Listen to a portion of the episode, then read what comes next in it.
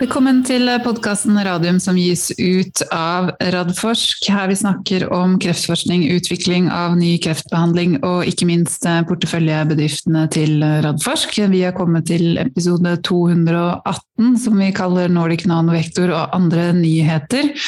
Datoen datoen er blitt 2. mars klokka halv tolv. Velkommen Jonas Einarsson. Takk skal du ha Elisabeth. Ja, Bak fancy utstyr på eget kontor. Ja da, med egen tekniker i rommet, og dette her begynner å bli avansert, det altså. Det er bra. Så jeg sitter og knoter på hjemmekontoret. Det er bra det er forskjell på folk. Ja. ja.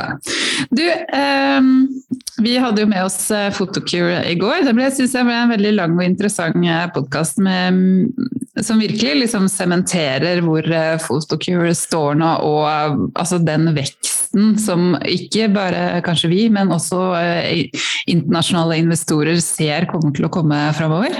Ja, jeg er enig i det. Nå er det klart at eh, for eh, norske investorer, som nå er atskillig færre, da, som Dan sa i går, og han sa vel ca. 40% i forhold til når han begynte, så var det vel over 90 mm. Så er det jo en del norske investorer, som bl.a. undertegnede, som var med og, og børsnoterte Fotokur i mai for snart 22, 22 år siden, så har det jo vært en relativt lang reise. da. Eh, så litt slitasje der kan man jo eh, ha absolutt en viss forståelse for, men det er jo klart at det er jo et eh, helt nytt selskap nå, som er et rent kommersielt selskap. Eh, fremfor å være en R&D-maskin som det var til å begynne med, og så forsøke å finne posisjoner for eh, nye produkter. Så har de jo nå, men eh, som Dan sier, de er jo fortsatt litt utsatt som et one product company, selv om Sevira er litt sånn joker i, i hatten her, som kan Joker i hatten, ja vel. Ja, whatever. vi skjønner hva du mener. Bøy, bøy meg i hatten, ja. ja. Nei, som jo kan plutselig bli veldig spennende, men det er klart at de, de driver med, med, ren eh, organisk vekst og, og utvikle uh, Sysvy og Heksviks videre, som jo er helt riktig. og En vil jo tro at hvis man nå har funnet løsninger på dette med kombinasjonen av at man har en duppedings, som er dette blålysskopet, og en, en, noen kjemiske produkter som skal inn, som er utfordrende, at det kan se veldig positivt ut. Eh, og at det faktisk er eh, mulig å komme seg da, altså ut av pandemidalen og, og få en, en økning i, i salget. Så, så, sånn fundamentelt så tror jeg også at internasjonale investorer ser at dette er et selskap som er litt lettere å å regne på hva man kan forvente å få igjen for investeringene sine. Så det er jo spennende det, da, at det er eh, det på topp 20-lista nå, så tror jeg ikke det er så mange andre norske investorer enn Radforsk som eh, er igjen. Eh, så nei, de, de står foran et veldig spennende år. Mm. Ja, og som vi har snakka om tidligere også, så har du jo ikke så mange konkurrenter. Det er ikke så lett å komme inn og konkurrere der.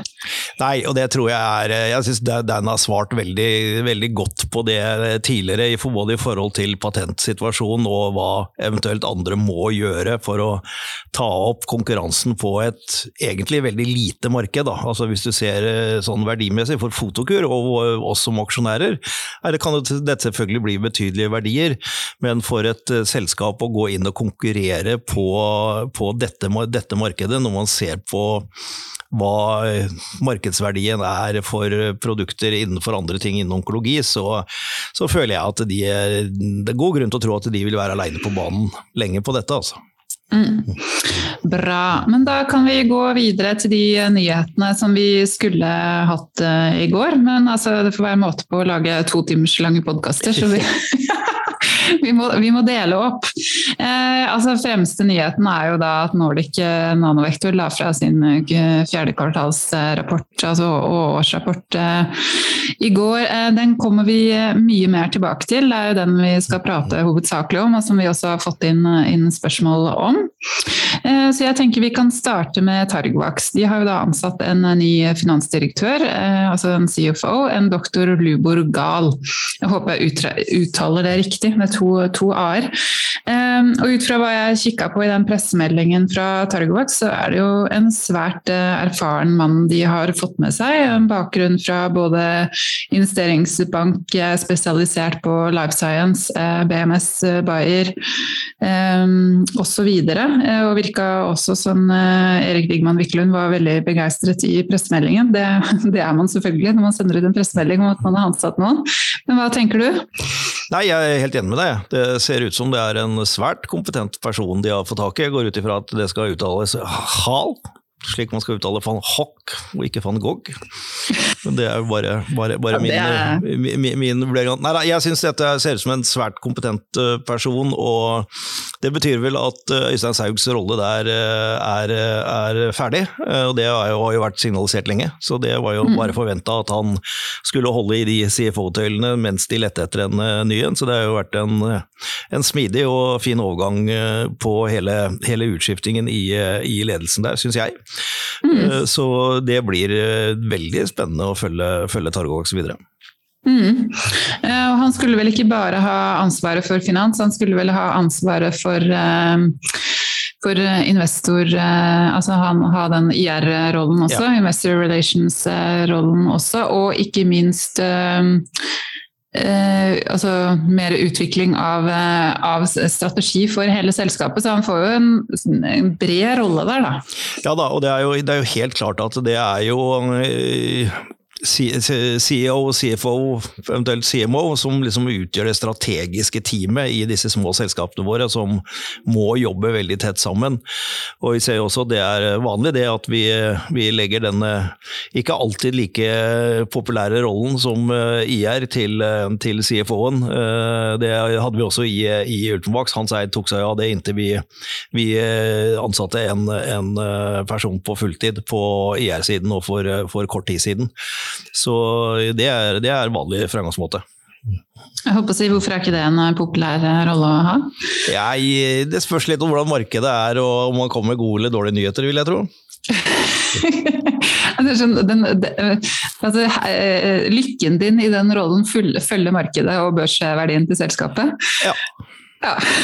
Det er forresten Anne Worse som er blitt ansatt i Ultimovax. Veldig kompetent dame med spennende bakgrunn. Um, ja, men Det er bra. Det blir spennende å følge Targovax, som du sier. Uh, vi kan gå videre til uh, Adutec Pharma, som er, er, det nyeste tilskuddet til uh, Radforsk-porteføljen. Ja, det er en av de aller siste, i hvert fall. Jeg er litt usikker om det er det siste eller nest siste. Men ja. vi gikk inn da for første gang i et selskap som ikke er direkte innenfor onkologi. Mm. Uh, og mitt mandat ligger jo å investere i selskaper som er, er, innenfor onkologi, men jeg fikk da overtalt mitt styre til å se at uh, antibiotikaresistens kan komme til å bli en av de største utfordringene for pasienter som er, uh, både har kreft og er under kreftbehandling i, i fremtiden. Så de, de syns vel den var litt på kanten, men vi fikk lov til det. Vi gikk ikke inn med noe stort beløp, men vi var med. og jeg har da den store glede av å få lov til å sitte i styret der, og har en en bratt læringskurve for hvordan man utvikler en adjuvant til et antibiotikum. Eh, altså ikke et eget nytt Eh, antibiotika, men eh, noe som eh, skal hjelpe til å bekjempe resistensutviklingen hos en viss type bakterier, som produserer noe som heter betalaktamase. Og denne adjuvansen som Adutec utvikler, er da meningen at den skal forhindre bakteriene fra å produsere dette enzymet, og dermed at den antibiotikaen som de var blitt resistente mot, igjen blir effektiv. Så veldig, veldig spennende, og veldig spennende å lære litt mer om hvordan den den utviklingen er, og hvor det ikke minst lærer hvordan det kliniske forløpet blir i eh, å gjøre, gjøre kliniske studier. Mm. I, innen onkologi så jo, går jo alt ut på Vi sier alltid det er alltid dataene. Det er effektdata. Mens i, eh, i, denne type produkter så har jeg begynt å få en klar forståelse av at her er det egentlig preklinikken som er det desidert viktigste. Og da er det to ting man uh, må vise. Det er at dette nye stoffet ikke er rottegift, og at det, ikke har, mer, at det har en bivirkningsprofil som absolutt er, er tålelig. Alle, de fleste antibiotika har jo en form for bivirkninger. Og så er det å vise at det faktisk dreper bakterier. Og det trenger du ikke pasienter til. Altså, du har jo disse bakteriekulturene som du kan mm. bruke både i, uh, i sånne petriskåler med, med, celler, og du kan bruke det i musemodeller. Og hvis du da viser at det ikke er toksisk, uh, og at du faktisk dreper de bakteriene ved å tilsette da disse to stoffene, så er du sånn nesten i mål med det du skal bevise. Så må du gjøre noen kliniske studier, det er helt riktig. Men det er mer for å samle inn mer tox-data hos mennesker, mer enn det er å, som jeg forstår, å ikke behøve å kjøre randomiserte studier, for det blir jo veldig vanskelig der da, hvis man eh, har pasienter med en livstruende bakterieinfeksjon. Så veldig, veldig spennende veldig spennende selskap. Pål Rongve, professoren bak dette her, er en fantastisk fyr. Full av nye ideer til enhver tid.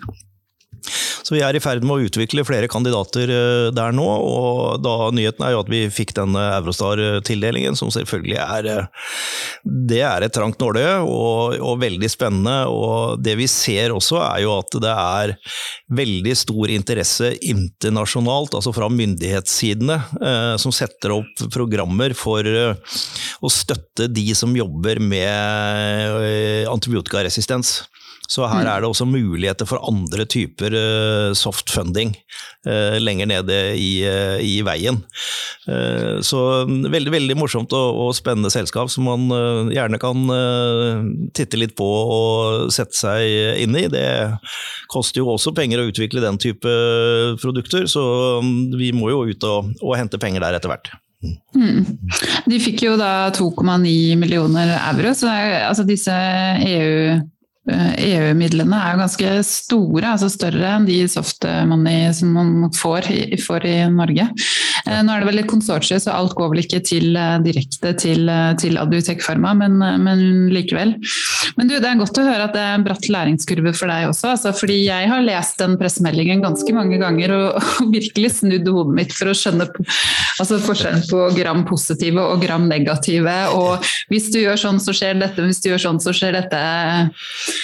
Ja, det er et rimelig, rimelig, komplisert bilde. Det er som du sier, ja. det, er sånn, det, er både gram-positiv og gram-negativ, og så er det de gram-negative som utvikler dette enzymet betalaktamase, men det er igjen da delt inn i to undergrupper av metalliske betalaktamaser, og nå kommer jeg ikke på farta på hva den andre heter, men eh, ja, rimelig komplisert. Ja. Men eh, vi hadde jo med oss eh, Pål eh, Rognve og ikke minst Bjørn Klem, som da gikk fra å lede Oslo Cancer Cluster Inkubator til å lede selskapet. Eh, vi hadde de med i episode 163, så man kan jo gå inn der og høre. Eh, jeg har ikke lytta på den episoden siden den nyheten kom, men jeg tenker at eh, de har klart, klart å forklare det, så vi skjønte det da. Så det, det, er et fint sted å begynne, i hvert fall, hvis man er interessert i selskapet. Ja, i hvert fall spesielt da i den, den basen praksis uh, ut ifra teknologien og tankegangen til Pål, og forstå liksom uh, hvordan vi tenker å posisjonere dette. Fordi det første jeg hørte når, jeg, uh, når det var et selskap som jobbet med antibiotikaresistens, så var jo Mitt, mitt, første spørsmål hvordan er det mulig å lage et marked? Fordi vi, altså Hvis vi finner et nytt antibiotikum som faktisk virker på multiresistente bakterier, så vil jo beskjeden til alle leger være dette bruker du helst ikke, bare mm. når alt annet er brukt opp. Og da får du hvordan er betalingsviljen for det, men det er da man må forstå at dette faktisk ikke er et nytt antibiotikum, men et adjuvans til eksisterende, som da mm. kan åpne helt andre markeder. Det, det, det er det vi bruker mye tid på å se på nå, hvordan vi kan posisjonere et sånt produkt inne i et marked. Mm. Men dette her har vel også vært den problemstillingen som har gjort at legemiddelfirmaer ikke har ønsket å gå inn og, og utvikle ny antibiotika? Det er, det er, helt riktig, og det er også ja. årsaken til at det nå settes opp i både USA, England, mange andre steder sånne nasjonale og internasjonale programmer for å støtte den type legemiddelutvikling. For det, er, her må mm. myndighetene være med på banen og være med å samarbeide. Mm. Veldig bra. Eh, da skal vi gå videre til eh, Nordic Nanovektor. Eh, de holdt jo en, faktisk en live-presentasjon i går på Vika Atrium. Det er noen ting Vi skal jo ikke gå gjennom hele presentasjonen, selvfølgelig.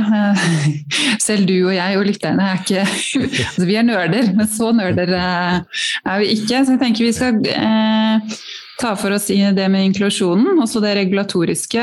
Erik sa noe veldig Erik også, CEO, sa noe veldig spennende rundt eh, fase T. Eh, og så tenker vi skal snakke litt om partnerskap, også reparasjonsemisjonen. Og så har vi fått inn eh, litt spørsmål. Ja. Eh, men sånn veldig overordna så syns jeg jo at eh, Erik leverte en veldig solid og presentasjon. Virka veldig troverdig og med en god forventningsavklaring. Han henviste også til disclaimeren. Eh, Istedenfor å sånn, bare liksom trykke den videre, så sa han at denne Husker jeg ikke sånn ordrett hva han sa, men i hvert fall det er viktig at man setter seg inn i denne informasjonen og ikke investerer i selskapet før man har gjort det. Mm. Nei, og Det er jo selvfølgelig veldig, veldig viktig. og så er ikke det alltid like enkelt å sette seg inn i alt, men, men det er jo sånn forward looking statement som står i den disclaimeren. og Det er at man gir de opplysninger og de guidingene man, man mener ut ifra den kunnskapen man har i dag, å kunne, kunne si. Og så er det et hav av usikkerhetsfaktorer, enten det heter covid-19 eller eh, Vladimir Putin og andre ting som kan, eh, kan, slå inn, som man må ta høyde for i en såpass utsatt bransje som dette, som, som jo eh, stort sett bruker penger og henter penger til, inntil de eventuelt lykkes eller, eller mislykkes. og det er jo en sikkerhets... eller er en ganske stor risikofaktor i det. Og i usikre tider så er ikke folk stort sett veldig glad i mer risiko, så, så det, det, er en, en, utfordring. Men ja, nei, jeg syns det er viktig at man er, er klar over det. Eh, men jeg er enig med deg, jeg syns Erik Skuldrud virker veldig transparent, øh, veldig tydelig, øh, og forteller ting nøyaktig som de er, enten det er positivt øh, eller negativt. Og selvfølgelig er det skuffende at de ikke har klart å inkludere noen nye pasienter fra 7.1 til 28.2. Vanligvis så ville vi jo bare fått vite at det var inkludert fire pasienter i Q4. Eh, det ville jo vært det som var, var, standard også for det selskapet for eh, kort tid siden. Eh, og det var jo sånn sett et relativt bra kvartal. Men de har da valgt å følge den samme linjen som vi også har gjort i Ultimovax, at vi informerer markedet om ståa slik den er. Og da er det altså sånn at det ikke har kommet inn nye pasienter i den perioden, hvilket er, er skuffende. Og så må man knytte det opp mot det Erik brukte mye tid på både å forklare prosessen og hva de har gjort for å bedre på dette. Uh, og beholder guidingen sin med at de skal kunne lese av i uh, andre halvår. Og da velger jeg å tro at det mener de at de skal, at de har såpass mye positive signaler fra, fra screening og andre ting. og det er jo litt av ulempen, men den, den er en liksom, kalkulert risiko med å være så transparent på inklusjonstakten, er at du kan få noen kvartaler som det går veldig bra, og noen kvartaler som det går dårlig. og Det, det ser vi også i normale tider, at dette kan, mm. Eh, kan variere uh, veldig mye. Eh, og så er det også veldig, kanskje til og med litt overraskende at han er så tydelig på at han selv er, er skuffa over den uh, dårlige rekrutteringen i uh, Norden. Eh, og han sa jo han skulle ha et møte med ledelsen på Radiumstallet nå eh, relativt kjapt. Eh, og det viser også litt sårbarheten til våre små selskaper, hvor avhengig vi er av å ha de rette PI-ene, altså de principal investigator, de som skal gå i bresjen for å inkludere pasienter og ha ett eller flere sites eller sykehus som er liksom litt sånn master of the class, som uh, virkelig går i bresjen og hanker inn de fleste pasientene. Uh, og det hadde vi, eller Nordic Nanovektor, med Kolstad. Mm. Som jo har vært en helt fantastisk ambassadør for dette. Dessverre så mistet vi han fra Radiumhospitalet, og han derfor ikke, kan derfor ikke inkludere flere pasienter i denne studien. Men det viser litt av sårbarheten, at man må virkelig jobbe opp mot disse key opinion leadersene og, disse klinikerne for å få de til å bli sultne på, på å ville inkludere pasienter i studien. Og jeg kan jo også si der at i i Ultimovax så har vi jo vært så heldige da, at vi har uh, hatt uh, små, men tidligere studier som stadig har kommet med nye data. Og så fort disse dataene har vært klare, så har uh, våre folk der vært på ryggen på alle sites og alle klinikere for å fortelle dem at nå har vi enda mer data som peker i den riktige retningen, som gjør at de da sier wow, det, da blir vi enda mer motivert for å, å inkludere pasienter. Så det er en, en svær jobb og en evig jobb, og har vært eh, også ifølge våre folk i Ultimovax og andre selskaper jeg snakker med, veldig utfordrende i pandemien. Og Da er den store utfordringen der er at alt har må, måttet gjøres per, eh, per, Teams eller Zoom, og at man ikke har kunnet og dratt og fått denne personlige kontakten som er så utrolig viktig.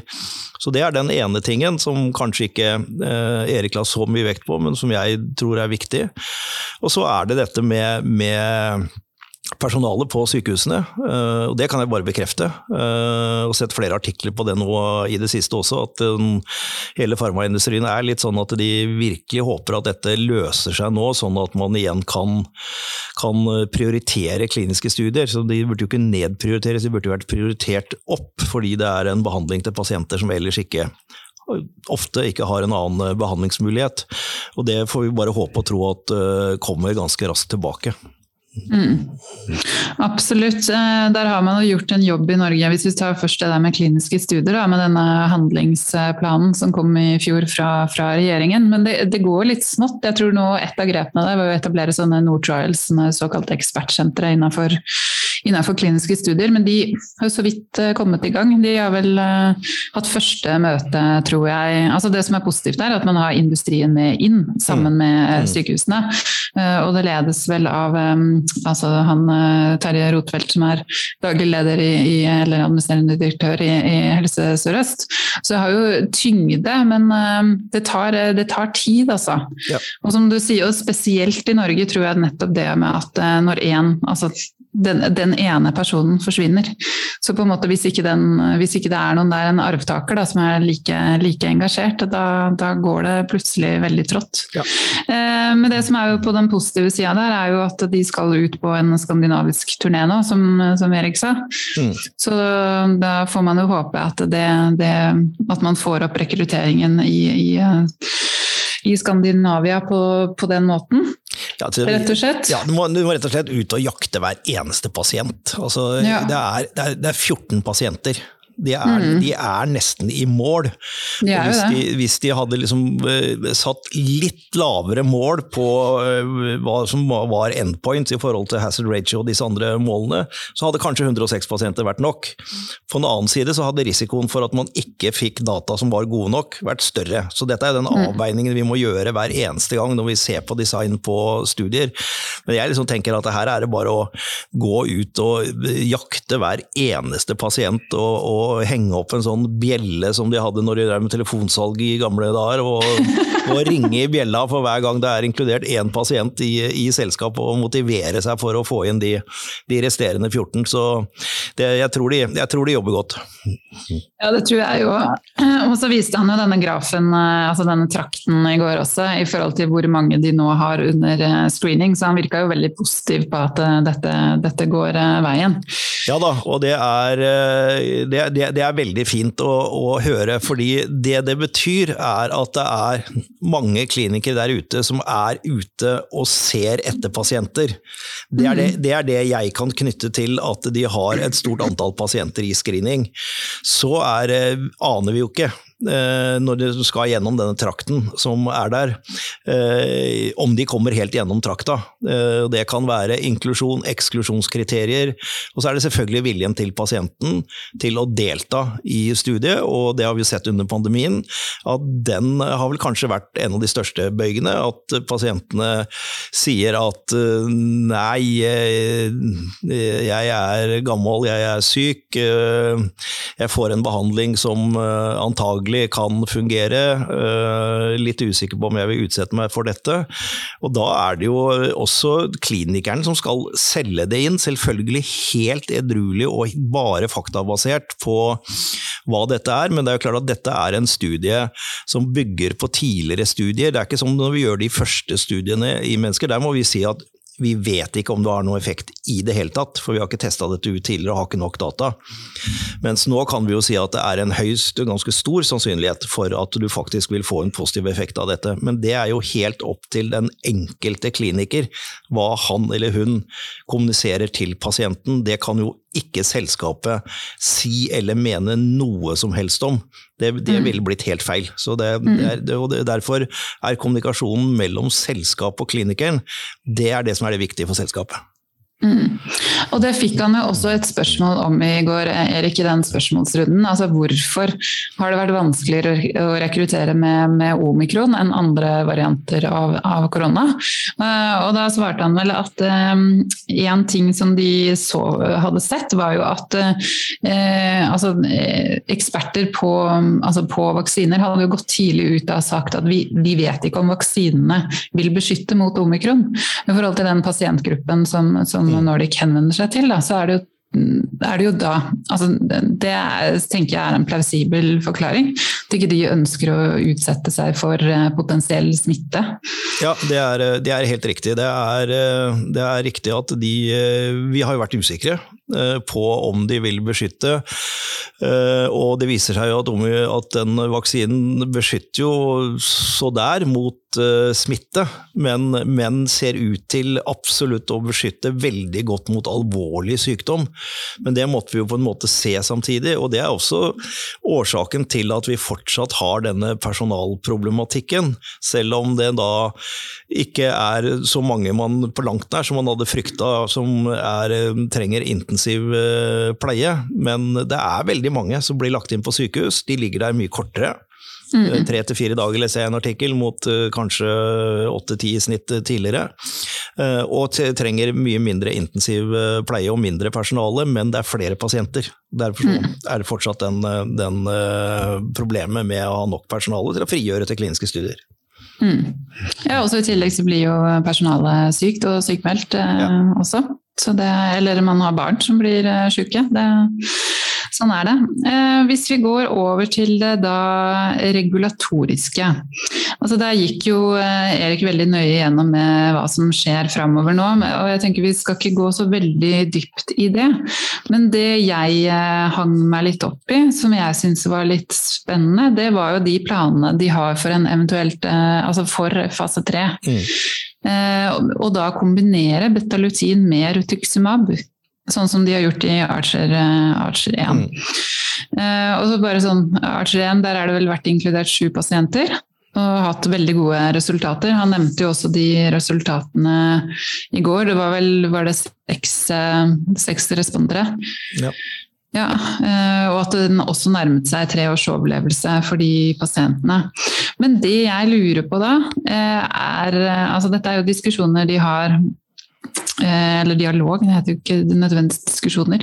Dialog de har med, med FDA om de kan sette opp en fase tre-studie sånn. Hva tenker du? Ut fra din lange erfaring med kliniske studier for et utall selskaper. Nei, jeg, jeg, tenker at uh, det egentlig er veldig logisk, uh, og at dette virkelig kan komme pasientene til nytte. Og spesielt FDA er opptatt av det. Hvis vi kan gjøre grep som vi, vi virkelig tror kommer pasientene til nytte. Uh, og Mulig jeg er litt på tynn is nå, men jeg mener Erik sa at de også så på om det var pasienter i uh, paradigmestudien som var blitt behandlet med betalutin som eventuelt hadde fått rituximab senere. Eh, hvilket det kan godt være at det er noen pasienter som, eh, som har gjort. For hadde jeg vært kliniker så, og, og, sett de dataene fra Archer-studien, så ville jo jeg sagt at eh, ja, hvis de får tilbakefall etter betalutin, hvorfor da ikke gjøre et forsøk til med rituximab, hvis teorien er riktig, at det oppregulerer CD20 igjen når du, når du slår ned på CD37 som er i betalutin. Eh, så, så, jeg tror det er, bør være gode muligheter for å bli hørt av FDA, og i hvert fall gå i noen gode dialoger eh, rundt det. Men jeg skal ikke forskuttere noe som helst ting på det. Du vet aldri hvor du havner hen når du, når du eh, kommer i den type diskusjoner. Men jeg tror nå at jeg allerede ville ha hatt møter med, med FDA bare for å lufte problematikken og si mm. at hvis vi foreslår dette, vil dere, hvordan vil dere respondere da? Tommel opp eller bort eller ned? Så nei, jeg tør ikke å forskuttere noen ting, men jeg syns det er et veldig spennende spor. Kan man se for seg en, en eh, toarma studie, går, altså fase tre-studie, hvor man går videre? Jeg tør ikke å spekulere i hvordan Nei. man eh, skulle designe dette her. Eh, du vil, jo, du vil, jo, i utgangspunktet gå mot standard of care, men hvis det er eh, rituximab refraktære pasienter, så, jo, så vil jo standard of care bare være vanlig symptombehandling, vil jeg tro, og, ikke noe annet aktivt legemiddel i den kontrollarmen. Men, og at man da hadde, hadde en, eh, kanskje en tredelt arm. Jeg vet, jeg vet ikke, dette blir altfor komplisert å, å spekulere i. Mm. Ja, vi får uh, følge med når de, uh, når de avslører uh, resultatet av, av, de samtalene som de har med FDA. Jeg hadde inntrykk av at de, de var i tett dialog allerede. Eh, hvis vi går videre til det med partnerskap, så det var tydelig at det hadde de fått en del spørsmål om. Mm. Eh, og der sa, de, sa vel Erik at eh, til vi har data, så vil ikke altså fra, fra betalutin, altså de topplinjedataene, så vil ikke legemiddelfirmaene inngå en avtale. Men likevel så må man snakke med de kontinuerlig. Og det er vel sånn verden er? Ja, altså vi, vi snakker med, med, de store byggfarmaselskapene helt fra dag én omtrent. Så det er, en, det er, en, løpende dialog. Og det er helt riktig at de alltid sier at de vil se data uh, før de eventuelt inngår noen avtaler. Nå er jo ikke det helt riktig at det alltid skjer. Vi har uh, avtaler uh, og oppkjøp i preklinisk og fase 1 og fase 2-faser for selskapene, så det, det skjer absolutt. Men det er klart at når det nærmer seg så mye, det, liksom er, det, er, det er 14 pasienter igjen til du får topplinjedataene, eh, da skal det veldig mye til for at noen eh, setter penn på papiret før, før man har sett de dataene. Det, det ser jeg helt tydelig. Mm. Eh, så kan vi snakke litt om konkurransesituasjonen. For det er jo også tydelig noe de har fått mye spørsmål om. og Det så jo vi også når vi hadde med Erik og Marlene i podkasten bare for noen uker siden.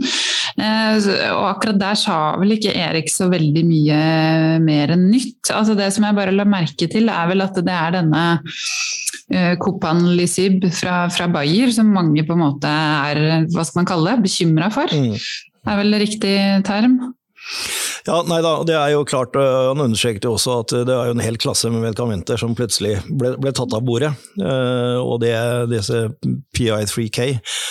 og det er klart at det bedrer jo konkurransesituasjonen kraftig for, for de. Og så, så, står de igjen med argumentene sine, og da gjenstår å se at de er, er holdbare. Jeg tror jo det, at dette er den desidert beste og enkleste behandlingen for eldre og, og relativt syke pasienter. Uh, og så kommer da CAR-10 og eventuelt andre ting inn på yngre pasienter som kan tåle det. Uh, og hvor det er litt mer sånn desperat situasjon, fordi det er jo klart at uh, bivirkningene av CAR-10 er veldig, veldig store og farlige, selv om vi har blitt mye flinkere til å behandle disse cytokinstormene nå enn vi var tidligere så er det liksom ikke noe, Og kostnadsbildet, så eh, tror ikke jeg det ville vært noe tvil, sånn som det ser ut i dag, hva en kliniker ville valgt å brukt hos en, en eldre og, og, fragile, som de sier, eh, pasient, eh, hvis betalutin og eventuelt CAR-10 hadde vært de to valga du, du, hadde. Så du bare får det der produktet sitt ut på markedet nå, så tror jeg fortsatt det er, er et absolutt et godt tidsvindu for det. Mm.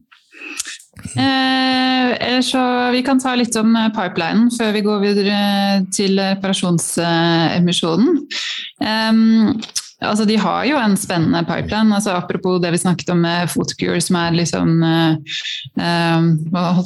One hit wonder. Så bruker jeg en musikkreferanse. Så har de jo mye kommende som de ikke på en måte har kunnet bruke ressurser på, gitt at de har liksom fokusert på, på paradigmet. Og jeg tenker jo at selv om det er veldig tidlig, da, men altså det samarbeidet de har med University of Pennsylvania på en sånn CD37 CAR-T, det er kjempespennende. Eh, Særlig sett i lys at det er altså University of Pennsylvania som utvikla første CAR-T, som som er godkjent i verden, som da ble kjøpt opp av, Novartis, altså Kimria. Eh, hva tenker du? Ja, nei, altså, jeg hadde den store gleden å, å, være med Gunnar Kvalheim og besøke UPenn for uh, en tre års tid siden. Og møtte, hadde et langt møte med, som fedrene bak hele CAR-10-teknologien. Det var utrolig fascinerende. Og det er ingen tvil om at det er, det er der denne teknologien er utviklet. De var veldig tydelige overfor meg at de var jo strålende fornøyd med hvor langt de hadde kommet da. Da var så vidt CAR-10 kommet på markedet. Eh, det var vel ennå i kliniske studier, hvis jeg ikke husker helt feil. Eh, men, men at de så svakhetene.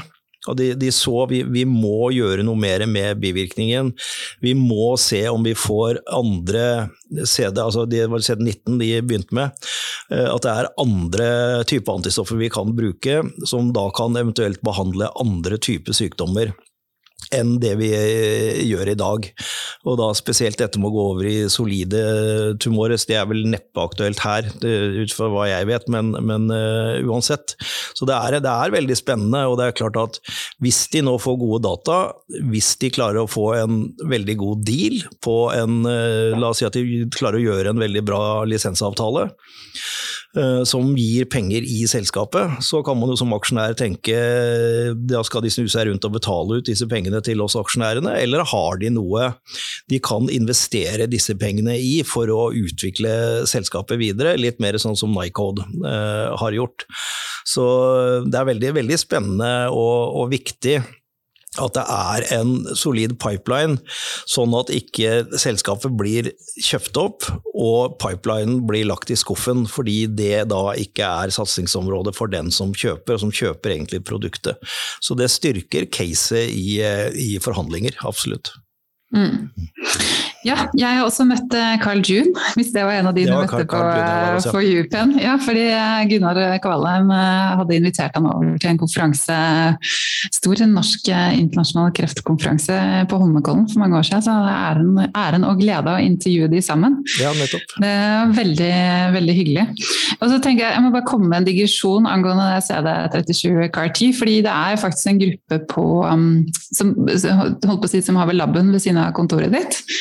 Eh, Else Marit eh, Inneberg og Sebastian Walschi, som er gruppeledere der, de har akkurat lisensiert ut en slik en til et nederlandsk selskap. Ja, det, er... Det, er veldig, altså det er veldig tidlig, da. Eh, og de skal jo, det er jo ikke snakk om noen kliniske studier med det første, og sånt, men veldig morsomt at man holder på med det også i ja. din etasje? Ja, den, det, det, er den laben uh, hvor uh, ideer og forskningsresultater som uh, Ultimax, Targovax, ikke Omkos, men, men TG-plattformen, Seluna, er jo, er, jo, klekket ut der. Og jeg møter jo disse forskerne i gangen her hver dag når jeg endelig kan være tilbake på kontoret. Og det jo, gir jo en boost da, å se at mm. de, de, fortsatt løper rundt og, og har, jeg kan love deg at de har, fortsatt har ideer.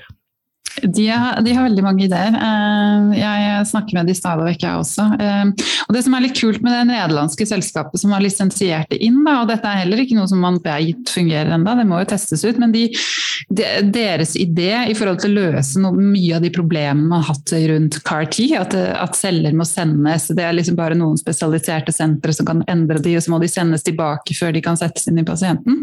At de har laget en, en maskin, en kokon, eller maskinen er egentlig lisensiert inn den også, men det har programmert den sånn at den skal kunne lage mm. altså eh, CAR-T på sykehusene.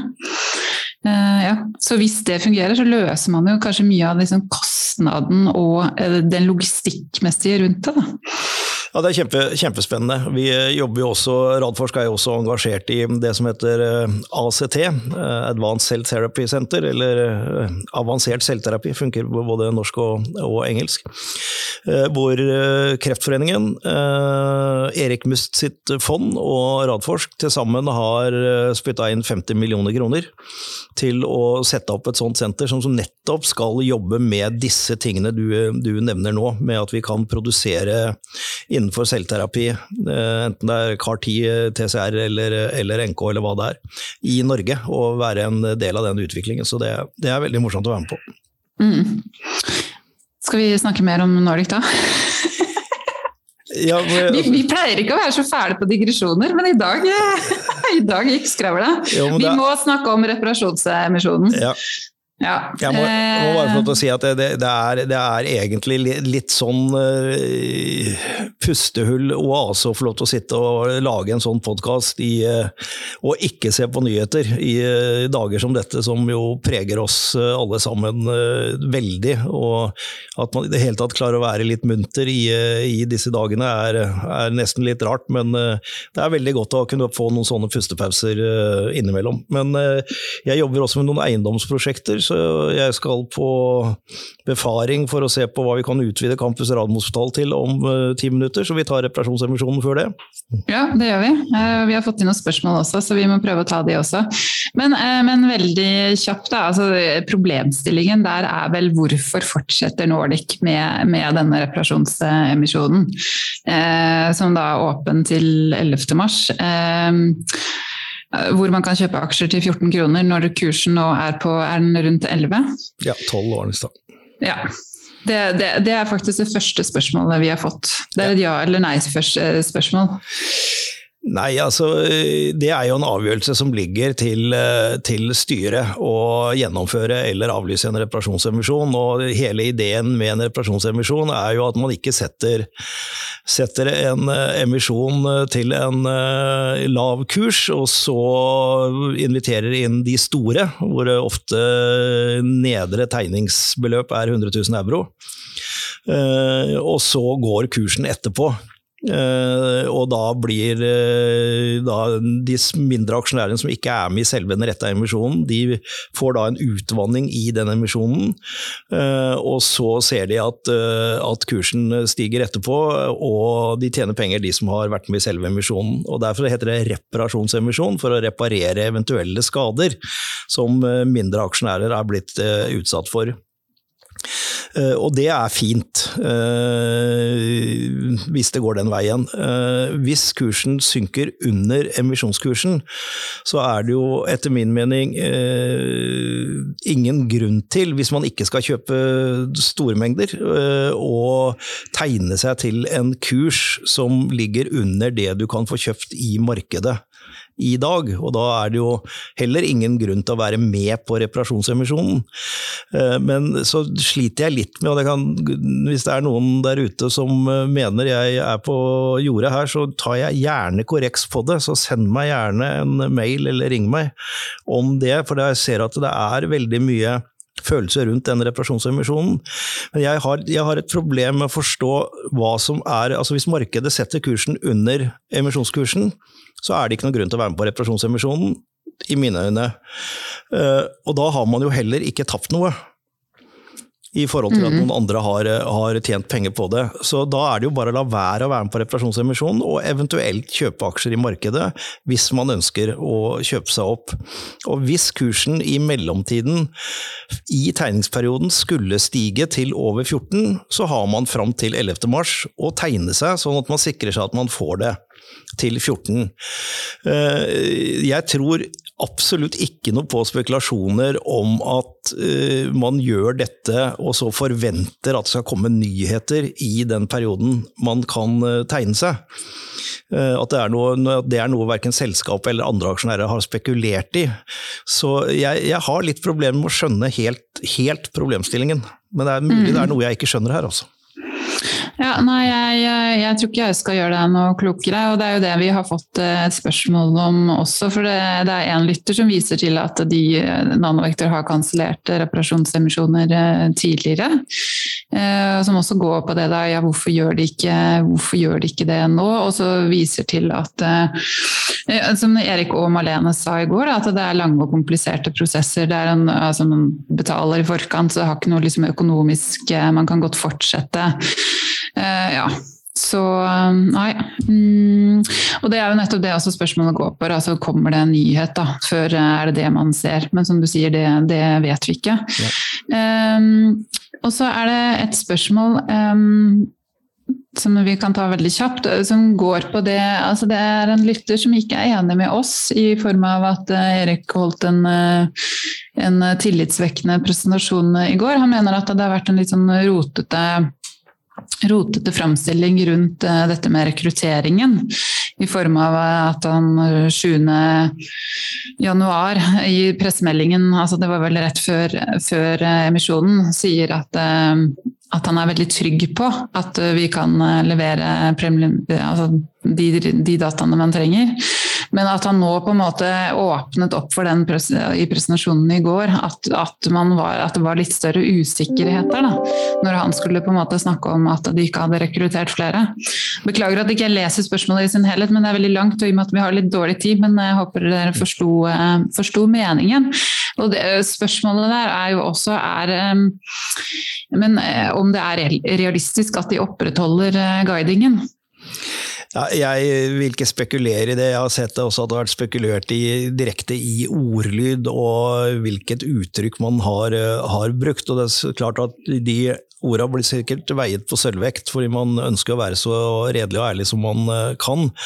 Eh, men jeg velger å forholde meg til at de sier at de opprettholder guidingen på, i, i, løpet av annet halvår 22.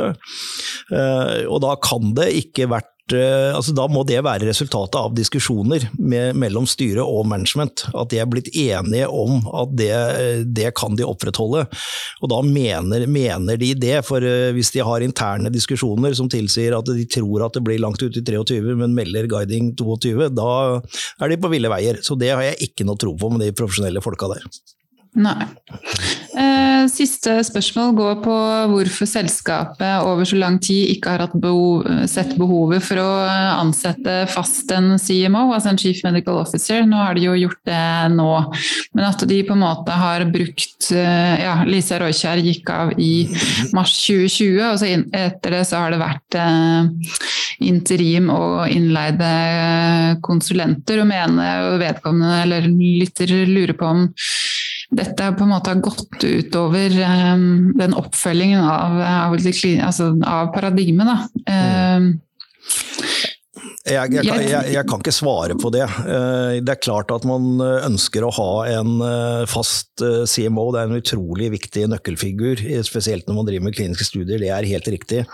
Men samtidig så er det også CMO-en gjør i et, den type selskap slett ikke alt arbeidet. Det er et, han, har, han eller hun har et team rundt seg, og som er svært oppegående og selvgående mennesker, som absolutt er i stand til å utføre sine oppgaver, selv om de ikke har en fast CMO ansatt. Og jeg vil jo tro at selskapet hele tiden har ønsket seg det, men eh, mm. kanskje funnet at det er bedre å ha interim eller innleid eh, mens man finner den helt riktige kandidaten. Men eh, det er, igjen er det rene spekulasjoner. Ja, men det var også det jeg hadde tenkt å spekulere i. At det er jo Ja, det kan ta tid å finne en rett, rett person. Rett og slett. Så ja. Men du, da skal du ut på befaring i sola, som jeg ser skinner inn på, på vinduet ditt. Eh, vi kan si takk for i dag. Også neste uke så har vi faktisk ikke satt opp en podkast enda. Vi skal se, se, om vi eh, får inn en gjest eller noe sånt der, eller om det skjer noe nytt. Mm. Men eh, vi har holdt på med mye doble podkaster nå, så hvis vi Trette ut lytterne fullstendig. Ja, det, hvis vi hopper, hopper, over det, så er det derfor. Vi prates, Einarsson. Takk skal du ha. Ha det. Ha det.